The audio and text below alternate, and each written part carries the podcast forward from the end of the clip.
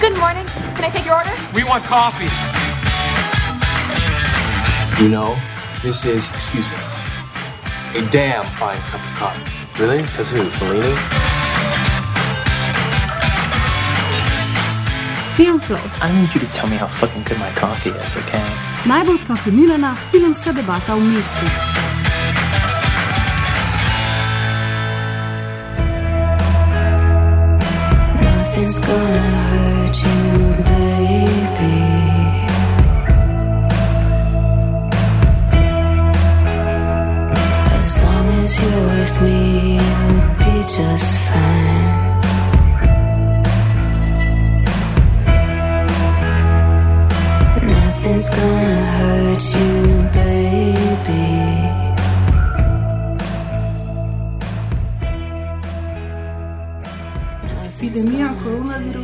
je v letu dni po vsem svetu razgalila hude sistemske napake in nas ponovno opomnila na poglavitne antagonizme sodobnih družb. Enega od teh ključnih antagonizmov predstavljajo razlike med spoloma in z njimi povezano spolno nasilje. Čeprav so že pred epidemijo vzniknile številne nove inicijative, protestna in politična gibanja, ki se zoprstavljajo različnim oblikam spolno zaznamovanega nasilja, smo v zadnjem letu lahko spremljali zaskrbljujoče podatke o naraščanju le-tega. Ukrepi za zajezitev širjenja virusa so namreč poleg drugih ranljivih skupin najbolj prizadeli prav ženske. Tudi zato v Filmflowu pozdravljamo in podpiramo pobudo inštituta 8. marec za redefinicijo kaznjivih dejanj posilstva in spolnega nasilja po modelu Samo ja pomeni ja. Kot pravijo v inštitutu, družba potrebuje večjo občutljivost in boljše razumevanje spolnega nasilja ter ustreznejšo pravno ureditev tega področja. Članice in člani inštituta so skupaj s številnimi prostovoljci zadnji mesec v gverilski kampanji preživeli na ulicah slovenskih mest in vasi in zbirali potrebne podpise podpore za vložitev predloga zakona o spremembah in dopolnitvah kazanskega zakonika na področju posilstva in spolnega nasilja. 8. marca se je tako začel zakonodajni postopek predloga sprememb kazanskega zakonika, ki redefinira kaznivo dejanje posilstva in spolnega nasilja po modelu Samo ja pomeni ja in ki nudi maksimalno zaščito žrtev. Pri večji občutljivosti in boljšemu razumevanju kaznjivih dejanj spolnega nasilja in posilstva nam lahko pomagajo tudi filmi in serije. In prav v letu 2020 smo dobili tri ključna dela tako imenovane Jaz tudi dobe. Asistentka, film avstralske režiserke Kitty Green, o katerem smo že govorili v 113. epizodi, nas postavi v čevlje mlade asistentke mogočnega filmskega producenta. Čeprav se pri njej navdihuje, pri asistentki ne gre toliko za zgodbo o Harveyju Weinsteinu, pač pa za zadržan in minimalističen portret sistema, ki tiho podpira nasilje nad ženskami. V lahko te uničim, kot je naslov eni najboljših serij lanskega leta, pa je režiserka, scenaristka in igralka Mikaela Coel preslikala lastno izkušnjo posilstva, ki se je zgodilo v času, ko je pisala in igrala v seriji Chewing Gum. Koel v lahko te uničim odpira številne pomembne teme, ki se dotikajo polja posilstva, privolitve, njenega naknadnega umika in ostalih tabuiziranih tem seksualnosti. Film Obetavna mladenka, o katerem se bomo pogovarjali danes, pa temo spolnega nasilja naslovi skozi prizmo tako imenovanega žanra posilstva in maščevanja pri čemer pa se izogne eksploatativnim tropom in žanrski okvir nadgradi z relevantnimi premisliki o spolnem nasilju, predvsem o kulturi tišine.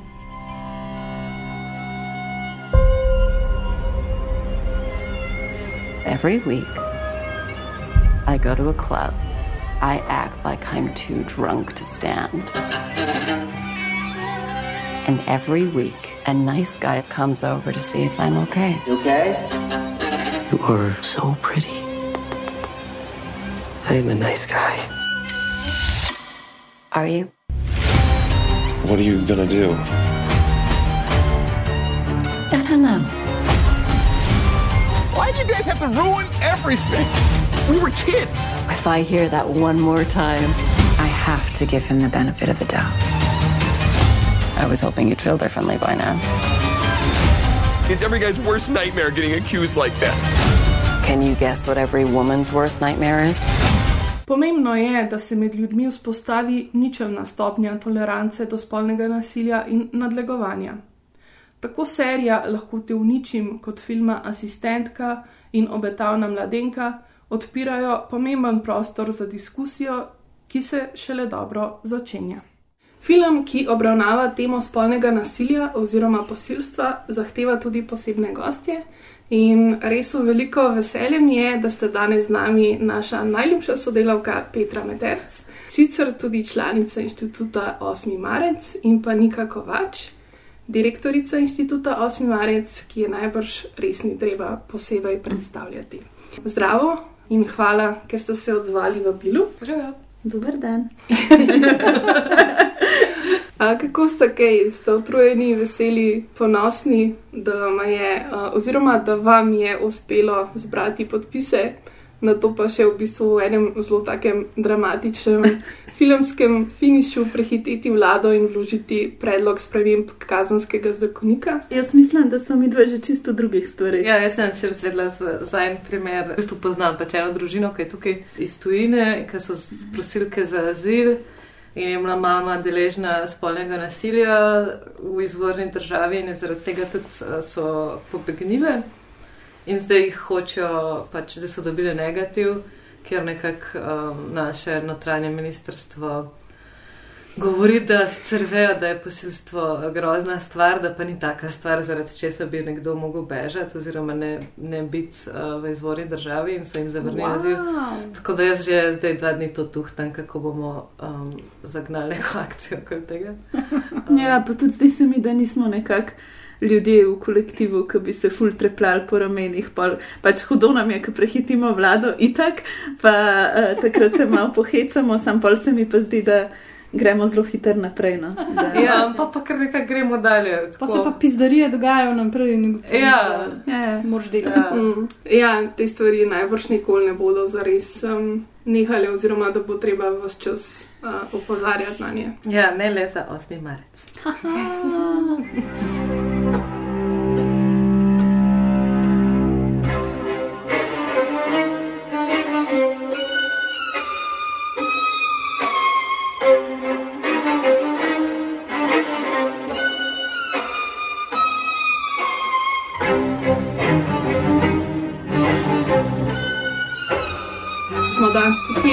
se malo pogovorimo o, o filmu Obetavna mladenka. Ta film je posnela Emerald Fennell, britanska igralka, producentka, scenaristka in režiserka. Mogoče jo večina od nas najbolje pozna po vlogi Camille Parker Bowles v seriji Krona. Kot scenaristka pa je med drugim sodelovala tudi pri drugi sezoni priljubljene serije Ubi Eve oziroma Killing Eve. Um, tako da mogoče za začetek lahko uh, nekaj povemo o tem, kakšna je sploh premisa filma Obetavna mladenka in na kakšen način se ta film vključuje v neko širšo sliko gibanja Jaz tudi. Promising young, young woman, oziroma kako obetavna mladenka. Obetavna mladenka. Obetavna mladenka. Spremlja uh, Cassie, oziroma Kassandro, ko, kako se ona sooča z nekim spolnim nasiljem, ki ga je bila sodeležna. In to se manifestira tako, da hodi vsak teden v bare in se pretvarja, da je pjana, in um, se pusti povabiti tipom domov, in potem tri pikce. To je neka osnovna premisa. Cassie je ravno kar drugače dopolnila 30 let, živi še pri starših, nima zares prijateljic, um, pač zapustila je faks in se ukvarja s tem maščevanjem, ki potem se izrodi v eno tako zelo zanimivo. Finalnih deset minut filma. A kaj veste, zakaj se gre zdaj? Ne. Ah, Petra, boš zdaj ti povedala, um, zakaj se zares gre. Uh, ja, mislim, ker sem prebrala, zakaj gre, sem pričakovala nek tak tipičen rape revenge film oziroma pač neko to posilstvo maščevanje. In tudi prvih nekaj, tako da vem, koliko je 10-15 minut, sem res pričakovala, da bo šlo eno to uh, nasilno izživljanje nad moškimi uh. -huh. uh, in v bistvu tega ni. Ne? V bistvu se Cassie, potem ko pač sooči moške z neko njihovo predatorsko držo, jih pravzaprav samo sooči z, z njo, ne? Mhm, oziroma jih jih, so, jih, jih nekako sooči s tem, kakšni so, medtem ko jim pač oni vse čas zatrju- njej zatrjujejo, da so. I'm a good guy. Ne? Da so drugačni. Ja, mislim, mi smo prijazni, mm. -hmm. se nič nismo hoteli. Je ta moment na začetku najbolj srhljiv, da pač ko ona pač se dela, da je vsa opita in potem je z moškimi doma in oni začnejo neke te moves, vedno bolj pač silt vanjo, ona pa pač seveda se še naprej dela, da pač hoče, noče, noče, predvsem je pre, preveč pijana, da bi karkoli. Mm, In potem, ko pač se ona instant, pač v nekem tem snap momentu strezni. In se začne z njimi pogovarjati kot trezna ženska, ki ve, zakaj se gre in ki je odločna in pri sebi. To naj, največ Mhm. vzbudi v teh moških. Ker In to pač ni straha. Ne? Ja, in, in ta moment je bil meni recimo super. No. Mislim, Mhm. to soočenje teh predatorjev z kar naenkrat z žensko, ki je tam pred njimi pač tako. Ki jih sooči s samim sabo, Mm. kakšni so. Mislim, meni je bila drugače, ko je ta prva scena v filmu še najbolj. Tako zanimiva in zgovorna, ker trije tipi debatirajo, mm. in potem je kao eden good guy izmed teh tipov, in potem on reče, da ji bom šel jaz jo pogledat, in tako misliš, že, a ok, kao ni good guy, maybe bo pa mm. ne, nope. Tudi uh, ta drug prizor, ko ona hodi uh, domov, uh -huh. trije delavci začnejo uh Mhm. -huh. za njo piti. Ta prizor je eden bolj genialnih v filmu, ker gre spet ja, za skupino. Moških, ki so, ko so skupaj, vsi pogumni, potem pa v bistvu ona samo stoji in jih gleda. In jih sooči nič sploh ne reče, Mhm. in njim pač postane to tako neprijetno. Pač ena taka majhna gesta, Mhm. pa zelo učinkovit, uh, se mi zdi prizor. Da niti ni tako mišljeno v filmu, saj jaz tega nisem tako razbrala, da bi pač zdaj te moške ona nekje Mhm. mm -mm. zares. Hotela mo-. Moralno Mhm. naučila Ne, ne. nečesa, da bi oni nekaj spregledali, predvsem za vse je nek strah v njih. Ja. No. To se zdi pač njej takrat dovolj. Ne? Ja. Kar je bilo meni v bistvu pač ful dobro pri tem filmu je, da ko jaz berem pričevanja, recimo, ki jih mi dobimo prek jaz tudi ali pa pri asistentki, je ta moment, moment, da si tega človeka, ki izvaja spolno nadlegovanje in nasilje, res predstavljaš kot nekoga ful odklonskega ali pa kar mal gnusnega ali pa nekoga, ki bi ga ti na ulici videl, pa prepoznal, pa, Pa vedel, bežal. da to Ja. dela, pa bežal. Tukaj se mi pa zdi, da v resnici um, pokaže film na nek način uh, to neko banalnost oziroma pač res to nek, neko zakritost spolnega nadlegovanja in nasilja v tem, da ga izvajajo fantje, ki so meni bili vedno ob prvih interakcijah pač všeč. Mm -hmm. Bili so mi fanti, za katere sem želela, da so te ok modeli v filmu, ki bojo nekaj naredili.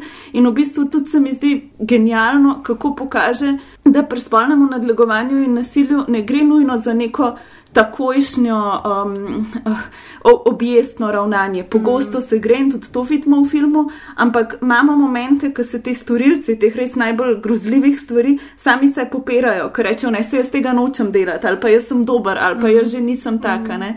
Um, in se mi zdi, da lih to daje temu filmu močno, da v resnici tebe, ko gledaš, vse čas izziva s tem, da imaš nek instinkt, da bi tega človeka ali celo upravičil, ali pa celo ho hotel razumeti, mm. ker je tok človeški, pa pa pač v enem momentu vidiš, da ne, ne da je pač lih to uh, tisto, kar vse skupaj reproducira. Mm. Tako da meni je to v bistvu totalno obrnilo tudi recimo to, kako jaz dojemam te stvari, ki jih mi dobivamo uh, na inštitut in se mi zdi fulbol jasno, zakaj se vedno ponavlja verjami žrtvino. Mm. Mm. Mislim, o tem, kar si zdaj govorila, se mogoče najbolj kaže ta zgodba romantične komedije, mm. se pravi ta del, ko se ona odpre temu bivšemu sošolcu. sošolcu. Ja, pa se ta njen good guy sošolec pojavi in misliš, aha, ok.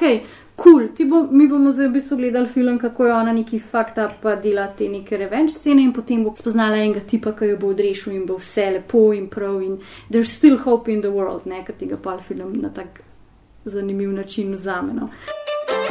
Cassandra, we're in class together at Forest.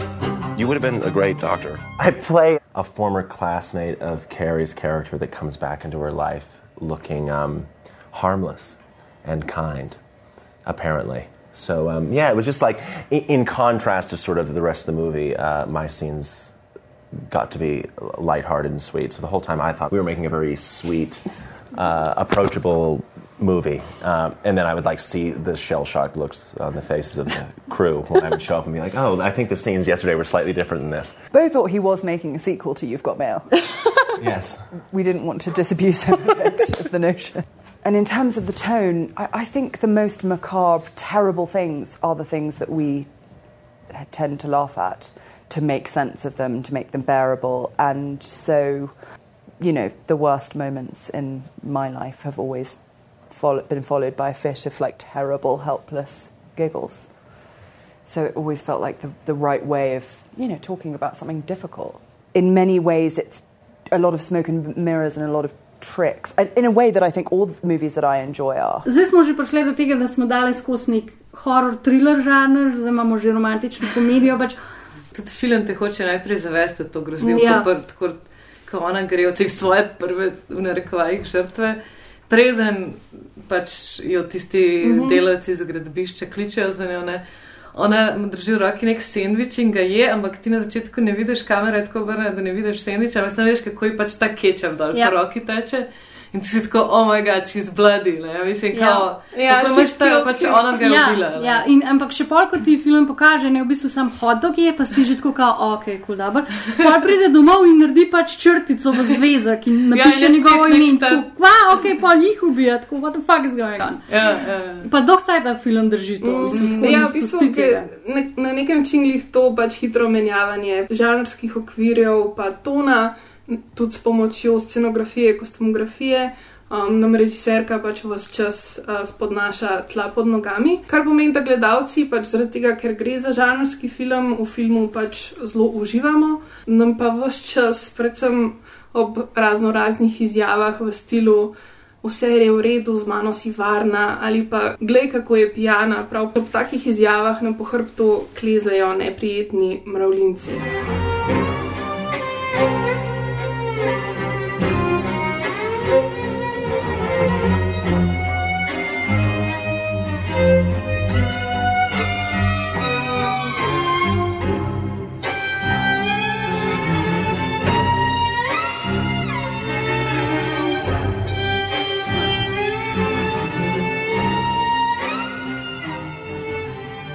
Se odpira enih uh, front oziroma vprašanj zdaj okoli Britney Spears. Mm. -hmm. uh, pač ta cel dokumentarc o njej, mm. -hmm. pa Free Britney Movement, take stvari. In zdaj se ful odpira nazaj neko vprašanje tega pač dojemanja nekih zvezdnic konca 90-ih, začetka 2000-ih.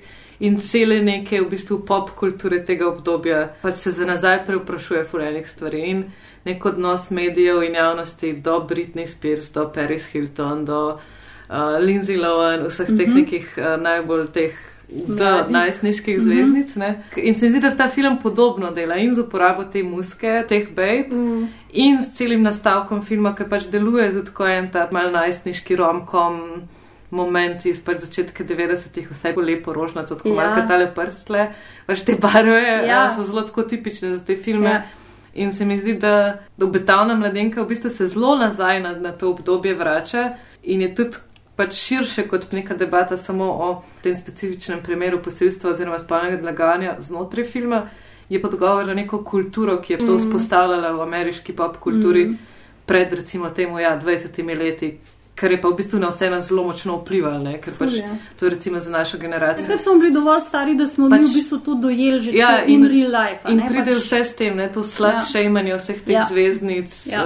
Uh, ona pač v končni fazi v filmu, glavna pač junakinja, tudi zgleda kot ena oblečena in Mm. izgleda mm. isto kot pač so Britney Spears in Paris Hilton v tem Ja. obdobju, neke roza polovrčki, Ja. ja. čopki, kitke. ja, ja, zelo se dekliško oblači. Ja, in pač se mi zdi, da je pač ful ta film odgovor tudi na neko to dojemanje, pač z, v bistvu mogoče zunaj filmsko, na pač tudi neke Mhm. filme tega Mhm. obdobja, ker tudi vsi te karakteri teh mladih fantov v Mhm. filmu, te začetni, ki jih, ki jih pač ona gre z njimi domov in pol tudi te na tej zaključni fantovščini, to so Ja. neki obrazi ameriške, zvezdniške Ja. scene, ki so se Mlade. največ pojavljali v nekih teh najstniških Mhm. lušnih filmih rom-komih, komedijah. Tudi v končni fazi je začetek 2000-ih. Takrat so bili najbolj popularni filmi, kot je pač Ameriška pita, ker premisa v bistvu celih vseh Mhm. teh filmov je pravzaprav kako pač neki, zdaj bom zelo grdo rekla, pač nedojevani college kids tekmujejo o tem, kdo bo prej prvi, pač seksal. S tem, da cel film je pač zelo usmerjen samo na to, da pač je od, nek, od Boga dana pravica tem fantom, da, da oni morajo seksati. ne. In vsi filmi so zgrajeni na tem, in, in ženske so tle bile, bile vedno zelo objektivizirane, izjemno sporni so te filmi, če bi šli zdaj za nazaj gledati. Na sto enih načinov, enega Mhm. stokanja je tam noter, enih nadlegovanj, enih ne, nesoglasij. Ja. In se mi zdi, da um, na neki tej širši ravni je ta obetavna mladenka zelo lepo ogledala nastavlja tudi pač uh, širše Mhm. tem filmom pa kulturi, no, na, za nazaj. Kar je tudi logično, ker v bistvu režiserka je stara približno toliko, kot smo mi. Tudi ona sama odraščala z vsemi Mhm. temi popkulturnimi referencami. Tudi v enem intervjuju kar veliko govori o tem, koliko so njej veliko pomenile, od Spice Girls do Britney Spears, da so bile to neke ikone za njo, pač ne glede na to, kako so bile prezentirane v medijih. When Emerald and I met about the film, she sent me a playlist, um, and Toxic was on there twice. so it gave me a kind of indication of that, that Britney would be a big part of this film. And I think the thing is, is that you often find this with pop music or like popular culture, particularly pop culture that um, young women like, is it's sort of treated ironically or it's um, treated like a guilty pleasure. But I've always loved Britney Spears, and I think Toxic is one of the greatest songs ever written. And so I kind of wanted to, actually, the whole movie in general, I wanted to kind of make sure that these things that we kind of think of as silly and our culture dismisses, like clothes, makeup, pop music, stuff that, you know, some women, not all women, enjoy, um, treat it seriously. En problem, ki sem ga filmom na neki točki, je, da sem dobila občutek, kot da vse like vodijo neki vzgibi, kot da v bistvu ni dejanje. Posledica neke refleksije, pa premišljenosti, ampak kot čisto vsakmu lahko pokažeš, da res deluje na neki intuitivni ravni. ne. Od vseh teh tipov, ki se pač ne morejo zadržati. Ne. Tukaj sem jaz imela celo v enem trenutku feeling, ko fakt prikazuje se celo tako, kot da je to neka biološka danost tipa, ja. da se ne more zadržati. Do recimo tudi nje, ki v bistvu zelo sledi enemu impulzu lastnemu, temu, da se maščuje za prijateljcev, nima neke širše perspektive. Hod do teh tipov, meni meji to skoraj na neko odvisnost, mm. že pri njej, od kjer se more zavestno začeti na neki točki odmikati. Ne? Do potem recimo teh zaključnih prizorov fantovščine, ne? kjer imaš spet neke same impulze. In v enem trenutku je recimo mene vse to začelo prav v tesnobo spravljati. In tega mi je preveč not. E, Naj se vsaj en mal pohendla, no, pismo. Ja, ne, vsi ste dosti stari, da znate pomenedžerirati svoje čustva in, in pač iztraumatizirati nekje mm. drugje te travme. Se, Mislim, da po mojem se vleče pa šport. Strinjam, sam se zdi, da, da v bistvu ta film ne stremi k temu, da bi kakršno koli resničnost prikazoval, Ja, ampak zelo operira ja. s temi stereotipi. Ja. Ona je pač ta stereotipna, ki se iztrga mm. potem, ko se ji Mm, nekaj ja. slabega Ja, ja. zgodi. Ja. Vsi so zelo pač stereotip, neke vloge dani. Se nam zdi, da jih prepoznamo na prvi pogled kot Mhm. neke stereotipne, pa so pa nekaj drugega. On April 18th, 1987, Sarah Tobias stopped for a drink at a bar called The Mill. For Sarah, the night lives on. I want to prosecute the ones who made it happen. So you can make another deal? You go try your case because win or lose, you're through. I get to tell my story. They aren't the kind of guys you really want to mess with, you know what I mean? For Catherine, the challenge begins. You're next, huh? Kelly McGillis, Are you scared? Yes. Jodie Foster, Me too.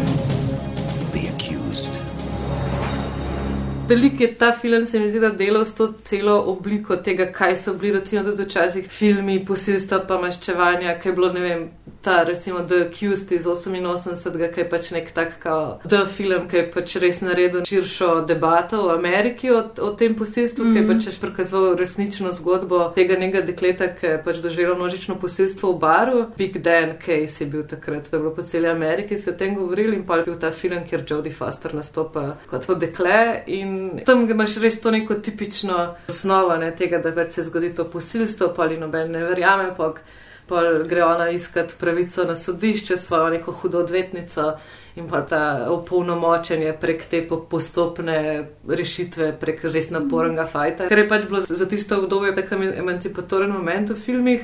Ampak hkrati je pa pač tudi zelo nerealističen v tem, kako se zdi, da se da kao priti iz te Mm. pozicije žrtve v neko opolnemočenost, ker ti pol na koncu vsi verjamejo in sodišče in tako naprej. Ja.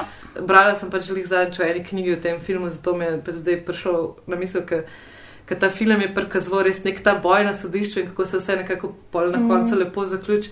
V resnici je bil pa ta case, sicer pač se je obsodil nekaj od teh posiljevalcev, ampak eh, cela njena okolica je bila pa do te žrtve v resničnem primeru tako napadalna in agresivna, da se je ona mogla pač takoj po sojenju nekam na drug konec Amerike odseliti, spremeniti ime in ne vem kaj, zato ker je pač doživela grožnje, mm. že sam zato, ker je šla na sodišče s tem primerom. Kar je tudi pač v Sloveniji še vedno tako, Ja. da se žrtve pač preseljujejo. To, kar je Petra rekla, se mi pa zdi, da je v bistvu ful dobro v tem filmu, da vedno.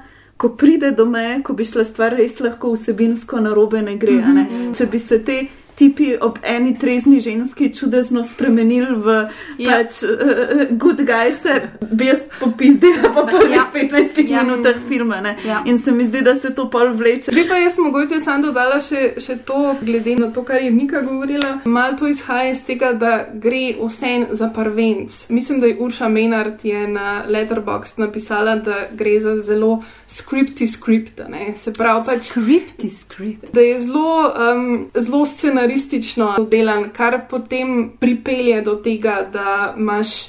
Vse zelo natančno, pač določen, dodelan, Okej, ja. kar potem da nek ta mal nenaraven uh, ritem, me- pa neke te sej- odločitve, ja. ki ne pridejo a ne spontano, Ja. ampak so res pač. Sem, zato, ker, mo, ker sledijo ker, nečemu. ker je tako ne. napisan, ker je tak strip. Ker je, sam, kot si že ti Petra rekla, se mi zdi, da film že vizualno sporoča, da v bistvu ni del tega sveta, ne, ni mm. del klej. Jaz sem ga zelo tako vzela kot nek tak heightened reality. Film, ki je malo izločen iz, iz našega, tako da se mi zdi, da tudi če je skript, je skript, kar mi je zdaj full všeč in jaz sem to začela uporabljati. Uh, mu, mislim, je vse glih bottom line full dober film. Mislim, Ja, tako. ampak veš, kljub temu, da je full ta heightened reality, mm. vsem konstantno pen, penetrira v to pač realnost, mislim, in te vleče ven ja. s tem, da, a veš, da se skozi zavedaš, da fakt ne, to ni samo film, ne pač take stvari se res dogajajo. Mm. My assistant says that you are interested in resuming med school. That's right. It's an unusual request. Yes, but I left under unusual circumstances. Oh. I left because of what happened to Nina. Hmm. Nina Fisher. You don't remember her? Maybe you remember Alexander Monroe? Oh, yes, Alexander Monroe. He actually just came back and gave a talk here. So you don't remember the accusations made against Al Monroe? I don't. He took a girl, Nina Fisher, the one you don't remember, back to his room where he had sex with her repeatedly and in front of his friends while she was too drunk to have any idea what was going on. She was covered in bruises the next day. Was it reported? Yes, Do you know who Nina spoke to? you. Petra je v tem filmu že pisala tudi uh, za ekran in tam je opozorila na eno uh, stvar, da a, uh, vse te tri um, filme, ki smo jih že prej omenjali, oziroma dva filma in serijo, se pravi Obetavna mladenka, asistentka in pa lahko te uničim, vse te tri povezuje to, da govorijo o tako imenovani kulturi tišine oziroma o tem, kako zelo odločilnega pomena je dober odziv okolice in sistema na samo polno nasilje. Eden od prizorov, kar res izstopa pač v tem, je ta, kjer um, Cassie pride do dekanje medicinske fakultete. Tako da mogoče lahko najprej kaj o tem prizoru povemo, pa pa. Um, Če se spomnite še kakšnega um, drugega. Sem tako imela sem te neke usporednice z tem, kar se je pri nas dogajalo zadnji mesec. in Pač sem to mi je šlo po glavi, da pač ja, neko neformalno razreševanje um, na ravni pač tam te fakultete medicinske, kjer pač lahko zelo hitro pride do utišanja žrtve. Ne? In Mhm. to se je pač nekako zgodilo tle, ker pač um, kao ni bilo dosti dokazov. Um, in tudi v Ameriki je tako, ne, da imajo pač koledži in univerze, kjer se fulenga tega spolnega nasilja dogaja, imajo neka svoja sisteme, najprej, mm -hmm. preden gre to na prava sodišča, in se veliko stvari pač v bistvu že tam zatakne, oziroma se jih tam utišalo. Um, pa sem začela razmišljati, pač, kako je to pri nas. Pa, čeprav, mislim, sploh nimamo nekih sistemov vzpostavljenih, ki se je zdaj videl v zadnjih pač mesecih, nobenih fakultetah ali pa akademijah. Meni je bila ta, ta prizor z dekanjo, je bil meni briljanten pokazatelj tega, zakaj je tako, kot je. Ker pač dekanja se zelo trud ubesediti točno, zakaj ona ni urgirala. In se mi zdi, da ponudi zelo celo paleto tega, kaj vse so njeni neki razlogi. Mm. Ampak zares pa ne more ubesediti unga, kar je med besedami un nek neotipljivo, kar mi vedno čutimo zakaj noben noče o tem govoriti, zakaj vsem pač res nelagodno. Pač. In zakaj boš pač ne urgiral. In to je pač nekaj takega, kar bi jaz ven izrezala iz filma in dala pač ljudem zagledati in se o tem pogovarjati. Ker tukaj razumeš, zakaj je tako težko in koliko to žrtev v bistvu še enkrat viktimizira. -hmm. Še tam in potem, da ti skozi skoz, skoz to slišiš na vsaki točki tvoje poti do pravice, če jo hočeš doseči, je pač it kills you. Mm. And it did kill her. Mm. Meni se zdi, da recimo, če je pri asistentki ful dobr prikaz same reprodukcije, te mm. neke mreže tišine, se meni zdi tukaj v bistvu odlično pokazan, kako noben od teh ljudi zase noče verjeti, da je bil on ta, ki je pogledal stran. Ja. Ona recimo najprej reče, da ne ve, o kom govorim. Ja. Jaz si res verjamem, da ona takrat res ne ve, da je bila to ona, da je bila za njo zadolžena, da se ona s to punco ni pogovarjala. Ne? Še ena od moči tega filma, kako v bistvu pokaže neko to željo, da bi bili vsi neki dobri ljudje, uh mhm. -huh. ki nismo del tega uh mhm. -huh. in tudi takrat, ko smo, naredimo vse z nekimi uh, mehanizmi, da te stvari potlačimo ali pa si zanikamo. Ne? In se mi zdi, da je to v bistvu gre še korak dlje kot asistentka v tem smislu, kako pokaže neko to psihologijo tega, kaj se dogaja s tisto to osebo, ki je zraven, torej s to nemo uh, večino, uh, ki noč ne naredi. No. To je bilo nekaj, kar se je meni zdelo res pač uh, fucking dobro mm -hmm. pokazano. Ja. Kot ste vi tudi zapisali um, na svoji spletni uh, strani, žrtve spolnega nasilja pogosto na mesto na podporo in zaščito naletijo na mok in obsojanje. Posilstev ne prijavljajo zaradi močnih postopkov na policiji in toživstvu in ker ne verjamejo v to, da jih bo zakon zaščitil. Vsaj pri nas k temu prispeva tudi zastarela ureditev spolnega nasilja in posilstva v kazanskem zakoniku. In v bistvu pri inštitutu 8. marc uh, ste se tako letos ste um, pripravili nov zakon, s katerim posilstvo skladno z modelom ja pomeni ja, definirate kot vsak spolni odnos brez svobodnega soglasja vseh udeležencev. Tako da mogoče lahko um, tukaj mal povemo um, o tem, kakšen je ta model, samo ja pomeni ja in v bistvu kakšne spremembe zakonodaje prinaša pa mogoče lahko še kaj povemo, um, glede na to, o čemer smo se prej pogovarjali, tudi v kontekstu filma, zakaj je v bistvu naš odziv tako pomemben, zakaj je pomembno biti glasen in zakaj je treba, kot v bistvu ponarodelo pravite v, v inštitutu, vse čas um, fajtati. Da je plisti Petra, začni, ko jaz to zdaj že 14 dni, jaz sem pa jih hotel. Ja, plisti. Kako bi se jih drugače to povedala? Kako bi se jih drugače to povedala, oziroma kako bi rekla, da, da to zdaj pomeni, da bomo mogli pred vsak, pred vsaki, če gremo seksat, podpisati eno pogodbo. Um, pa jo dati in notarju. Pa, pa jih skupaj notarju. Tako, na spletni strani, ja, pomeni, ja, so vzorci teh ja, pogodb, ki ja, jih lahko um, natisnete. In pač, da se bo to zdaj totalno zbirokratiziralo organizirali in da v bistvu mi. In da se bo kako že ful spremenila spolna igra, se bo zelo spremenila. Ja. Upamo, da se bo. No. Mi smo pač to zagnali že leta 2019 po tem koprskem primeru. Ko je pač žrtev spala in so zato pač še storilce oprostili, takrat se nam je zdelo, da pač bi v takih primerih in še v velikih drugih primerih, ko pač žrtev bodi si se ni sposobna opirati, ni sposobna reči ne, uh, zmrzne pač karkoli od tega, da za, za vse te primere in za vse neke zelo grozne obsodbe, ki se tem žrtvam potem zgodijo še na sodišču, da bi pač najbolj deloval Model ja pomeni ja, ki ga imajo tudi že v nekih drugih državah, v Angliji, na švedskem, na hrvaškem. Recimo. In smo dali že to pobudo takrat ven. Mislim, takrat smo odprli tudi peticijo, ki je ogromnega folka podpisali. Na ministrstvo smo to poslali, seveda nam je bilo nekako obljubljeno, da se bo delalo v tej smeri, pa ne prejšnje, ne potem zdajšnje, od zadnje vlade pač ministrstvo ni zares veliko naredilo.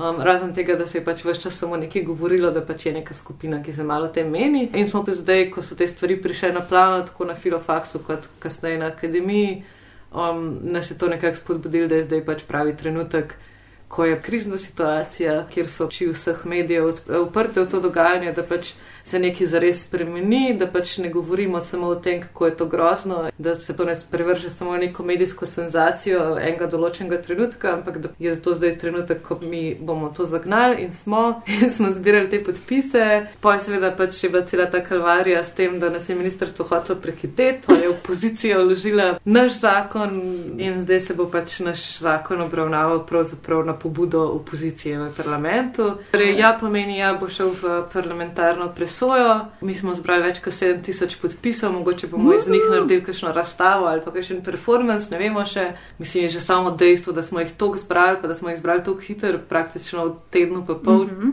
Uh, pa da se je cela Slovenija aktivirala tudi s prostovoljci in prostovoljkami, tudi vi ste le med prostovoljkami, hvala lepa. Je v bistvu en znak, da ljudje to hočejo. No. Bi lahko že itak bo štarto tudi šli na to, da bi pač prosili kakšno od opozicijskih strank, da to vloži na mest nas. Samo fuj. Ampak nismo hoteli. Ja, pač ne, zdaj, zdaj se nam je, da pač to ni strankarska stvar in ja. da ne bi pač niti želeli, da si pač katera koli stranka to zdaj prisvoji kot neko svojo agendo na eni strani, na drugi strani pa nam je šlo samo zato, da pač damo možnost, da vse stranke to podprejo, da pač uh, se ne gre tukaj na opozicijo, pa koalicijo, pa ne vem kaj ampak da je to pač neka stvar, ki se more tikati vseh. Tako da se nam zdi super, da smo vse en te podpise zbirali, ker se je s tem tudi debata mal bolj razprla na sistemsko raven, onkraj teh nekih posamičnih primerov, ki so se zdaj odpirali. In upam, da se bo nadaljeval v tej smeri. Jaz sem zelo velik problem s tem, kako se mediji te stvari obregajo. Vedno jih je treba res prepričati, da so te stvari sistemske narave, pa ja. da, je, da jih je treba malo v nek širši ja. kontekst dati. Imam pa jaz moralni nauk. Kar se pa meni zdi od celi tej izkušnji na neki širši mogoče aktivistični ravni povedati, je to, kako pomembno je ne poslušati politike in ne poslušati ekspertov o tem, kaj se da. Zaradi tega, ker smo mi z inštitutom prvič skočili z ja, pomeni ja, enkrat polet, um, sem jaz dobesedno ugašala telefon po par ur, ker so se uh, najdevali razno razni predstavniki nekih skupin, uh, ki so govorili, da zahtevamo nemogoče, da moramo biti zadovoljni recimo z modelom razširjenega veta in da naj smo taktični, naj se ne kažemo v javnosti, um, naj se jaz omaknem iz tega boja, naj pač uh, naredimo štir korake nazaj in kar se mi zdi vrednost inštituta, pač je to, da res ne jebemo in da vedno zahtevamo stvari, ki se nam zdijo pač prav. Ja. In uh, v resnici se polnavad zgodijo. No? Ja. Um, in tukaj se mi zdi, da takrat, kadar je res ena taka jasna stvar, pri kateri se ne sklepa kompromise, boš zelo hitro zraven dobil še ostale nore ljudi, ki bojo prišli zraven, hvala vama še z moje strani uh, in to zahtevali in te stvari se ne ustavijo. In kar je meni še zabavno, je kako v tem trenutku, ko je ja, pomeni ja pač nekak dejstvo, vsi govorijo, vsi smo vedeli, da se bo dala, ne? Pač, ampak, Bandwagon, fan, you're the worst. Tako, ampak v bistvu meni se zdi pač to, da v nekih prizadevanjih vedno zahtevati maksimum in ne odstopati od tega, in ne vnaprej popuščati, se mi zdi nujno in edini način uh, v tem. Pač probamo. Ja. Tudi, ko smo bili na sestanku, pri pač, uh, eni stranki, pa se nas, smo z vsemi hodili na sestanke, če so pač uh, želeli pač z nami se o tem pogovarjati. Pa so nas pa na koncu vprašali, kako imamo te pa vi budžeta za to kampanjo. Tako mi tam sedijo, tako je ja, nič, nič denarja, da si je deset. pa tako malo, vsak ima svoje obveznosti, pa, potem to drago. Tis- tistih nekih trenutkih se zaveš, da si mal crazy. Ne? Mm, Mislim, ja. da te tudi ljudje tako mal pogledajo, Ja. ja. kot da si pač crazy. Ampak Mislim- hkrati pa pač ne vem, le Zato, ker sklepajo poseb in sklepajo potem, da se samo iz nekega zaledja in zato, ker pač je to na neki agendi, da se to dela, ne pa zato, ker je to prav in se v to verjame. Mm. In meni je bilo ful všeč, ker ko sem jaz videla, da vse so prostovoljci in prostovoljke, mi je bilo izredno všeč in sem ful ponosna na njih, da je bilo ful dijakin tam da je bilo ful študentk tam in pač mladih ljudi. Ker imam pun kufr tega, da In ne govori- samo punce. In ne sem punce, ker imam pun kufr tega, da se skozi govori neki, "Oh, ta mladina je fucking. Ne, ni, ta mladina is doing very well in zelo v redu. In potem, ko sem jaz videla, da v bistvu bojo te mlade punce in mladi fantje ob vs desetih vse to spurali, sem res tako. I am okay with doing the bare minimum, ker vem, da boste pač vi to spurali skupaj s prostovoljkami. Tako da ful, če so med, na, med poslušalkami in poslušalci kakšne prostovoljke. You did amazing. Ja, We're res, very res, proud. ja. In me ne skrbi za to, kaj bo čez 10 ali pa čez 20 let. Ne, pa meni je tudi v bistvu lepo, koliko tako enega ognja je recimo v ljudeh, pa koliko pač ene volje do spreminjanja stvari. Ljudje ful velikrat govorijo, da se nekaj ne da, da nekaj ne mm. moreš, da je nekaj, mislim, nimaš dovolj tega, nimaš dovolj. ga- Ne, fuck off, vse se da, sam mm. pač rabiš tako eno skupino ljudi, takih, kot ste vi, in pač se res da narediti vse. Pa tudi tako dobro se mi je zdelo, da v bistvu mi smo srede na četrtek mislili ob dveh po noči s Petra pa mojce, da je v bistvu so oni vložili ne pomeni ne. a ne? Mm -hmm. In to je bilo pač tako, da Zato, smo- ker, zato, ker je pač uh, to ministrstvo delalo na modelu ja. veta. In tudi čas. niso dali zakona nikamor, in jaz sem že nek, jaz sem vzal video za prostovoljce posnela in hkrati sta polovne dveh men prišla in smo se odločili še posneti neko video izjavo za Facebook. Videla sem, Ampak- da je dejansko besla šla iz pižama. Ja, in, in tako meni se je zdelo, kar se je pa meni zdelo najboljš v tej situaciji, da mi kot ekipa nismo bili v smislu, o ne, vse je šlo v nič, cel svet propada, ampak smo bili tako razkurjeni, smo fajtali bomo naprej, mm -hmm. ampak ni bilo neke osebne drame in to se mi zdi v bistvu res dobro.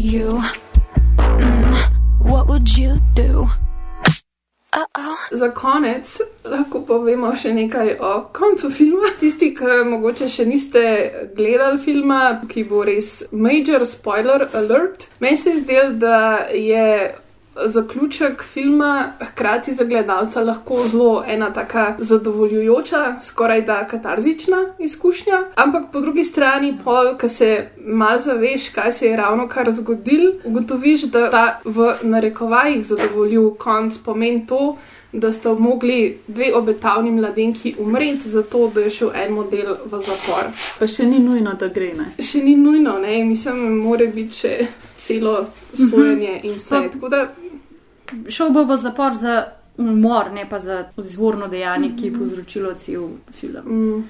Mislim, jaz sem bila ful razočarana nad tem koncem. Nič mi ni bilo zadovoljstvo, da je bil to njen ta nek grand finale. Jaz sem vse to splanirala kot nek ta spy movie, tle se je zdaj to zgodilo, takrat bom poslala message. I don't care. Kakršen koli drug konec bi mi bil ljubši. In pa sem ful začela premišljati o Kassandri, o Kassandrinem mitu grškem in sem bila sam tako, to je v bistvu cel ta film. Ona se cel film dere, noben ji ne verjame, dere se zato, ker pač ne ona, ampak njena kolegica je nekaj najprej rekla, da bo naredila, potem rekla ne, tip tega ni mogel pohendlati in je ona dobila kazen in potem je še umrla zaradi tega. And I was just pist. Mislim, da je že na začetku en lik reče, da je zmešana, Točno crazy tako, bitch ali nekaj. In ona reče nekaj v stilu, pač, you know what. I really don't think I'm crazy. Ja. ne. Mislim, pač, Ja. je res, res ni. Ne? Mislim, Zato, ker Kassandrin mit je zmeren, da ona ne bi bila, mislim, nobeni ne verjame in pač vsi pravijo crazy woman, ne?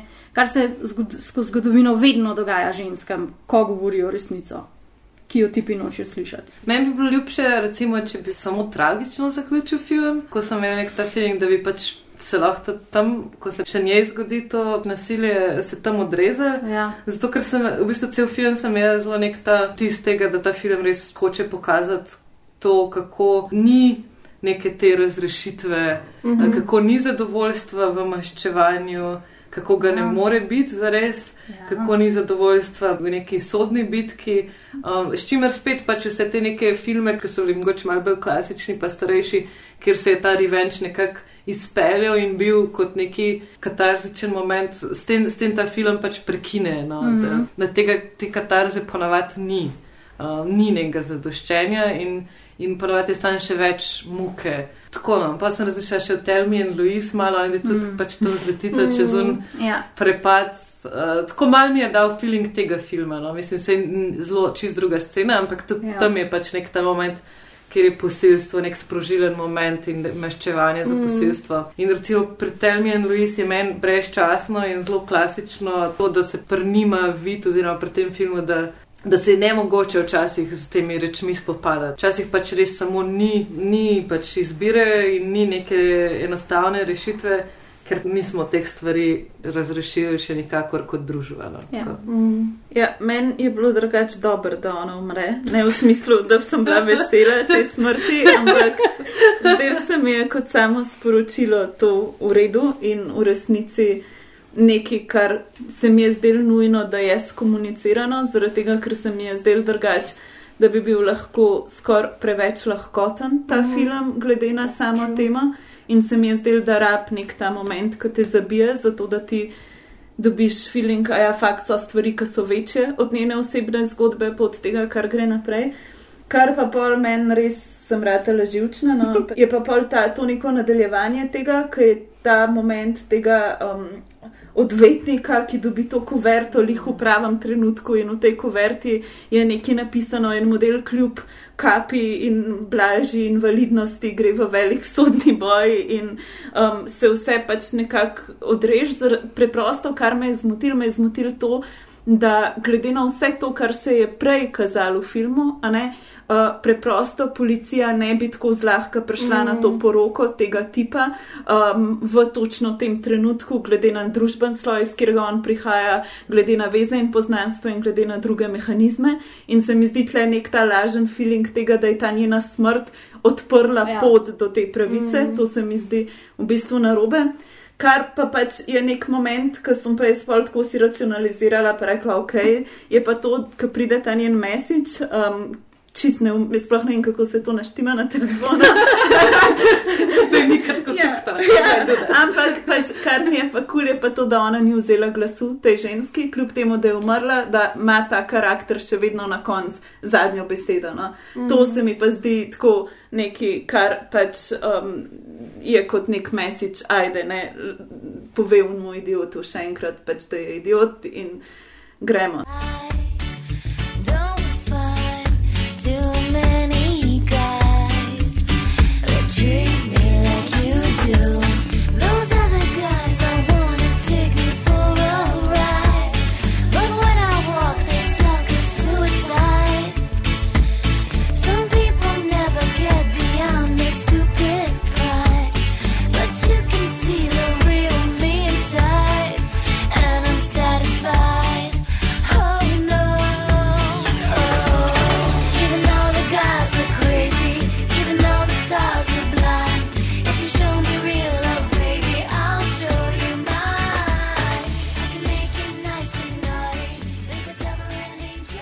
Ne bi bil film tudi ful zabaven na Ja, momente. ja. Uh, to sem sam hotela še reči, da kakorkoli smo zdaj govorili, da je tako ful lahkoten, pa, pa da po eni strani tudi ful resne teme. bra.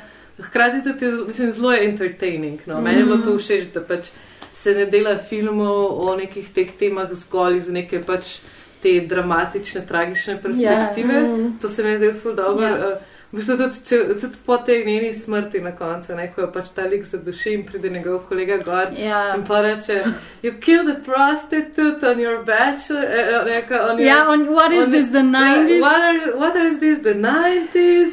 Tako da sem, sem pač umrla od Ja. smeha, ne, ker to je prav tam. Meni je dober tudi ta A. subtilen razredni moment, ki je lik mama te punce, kjer mu ona pride uh -huh. in pije un pingo sok, ki se vidi, da je to neka slaba hiša iz predmestja, ta tip, proti kjer mu je pa ona šla, je pa pač imel odvetnike in vse in se mi je zdel kul, cool, da je tudi to tako Mm. Mm. Ja. Jaz mislim, da se mogoče za ta film kar spodob, da se vključimo na tej točki, da ne gremo še v kakšne ja. resne teme naprej. Tako da hvala, ker ste bile uh, gostje v tokratnem filmflowu. Upam, da še kdaj ponovimo. Hvala za povabilo. To to. Hvala. Bye! Ciao! Ciao. oh, oh, I did it.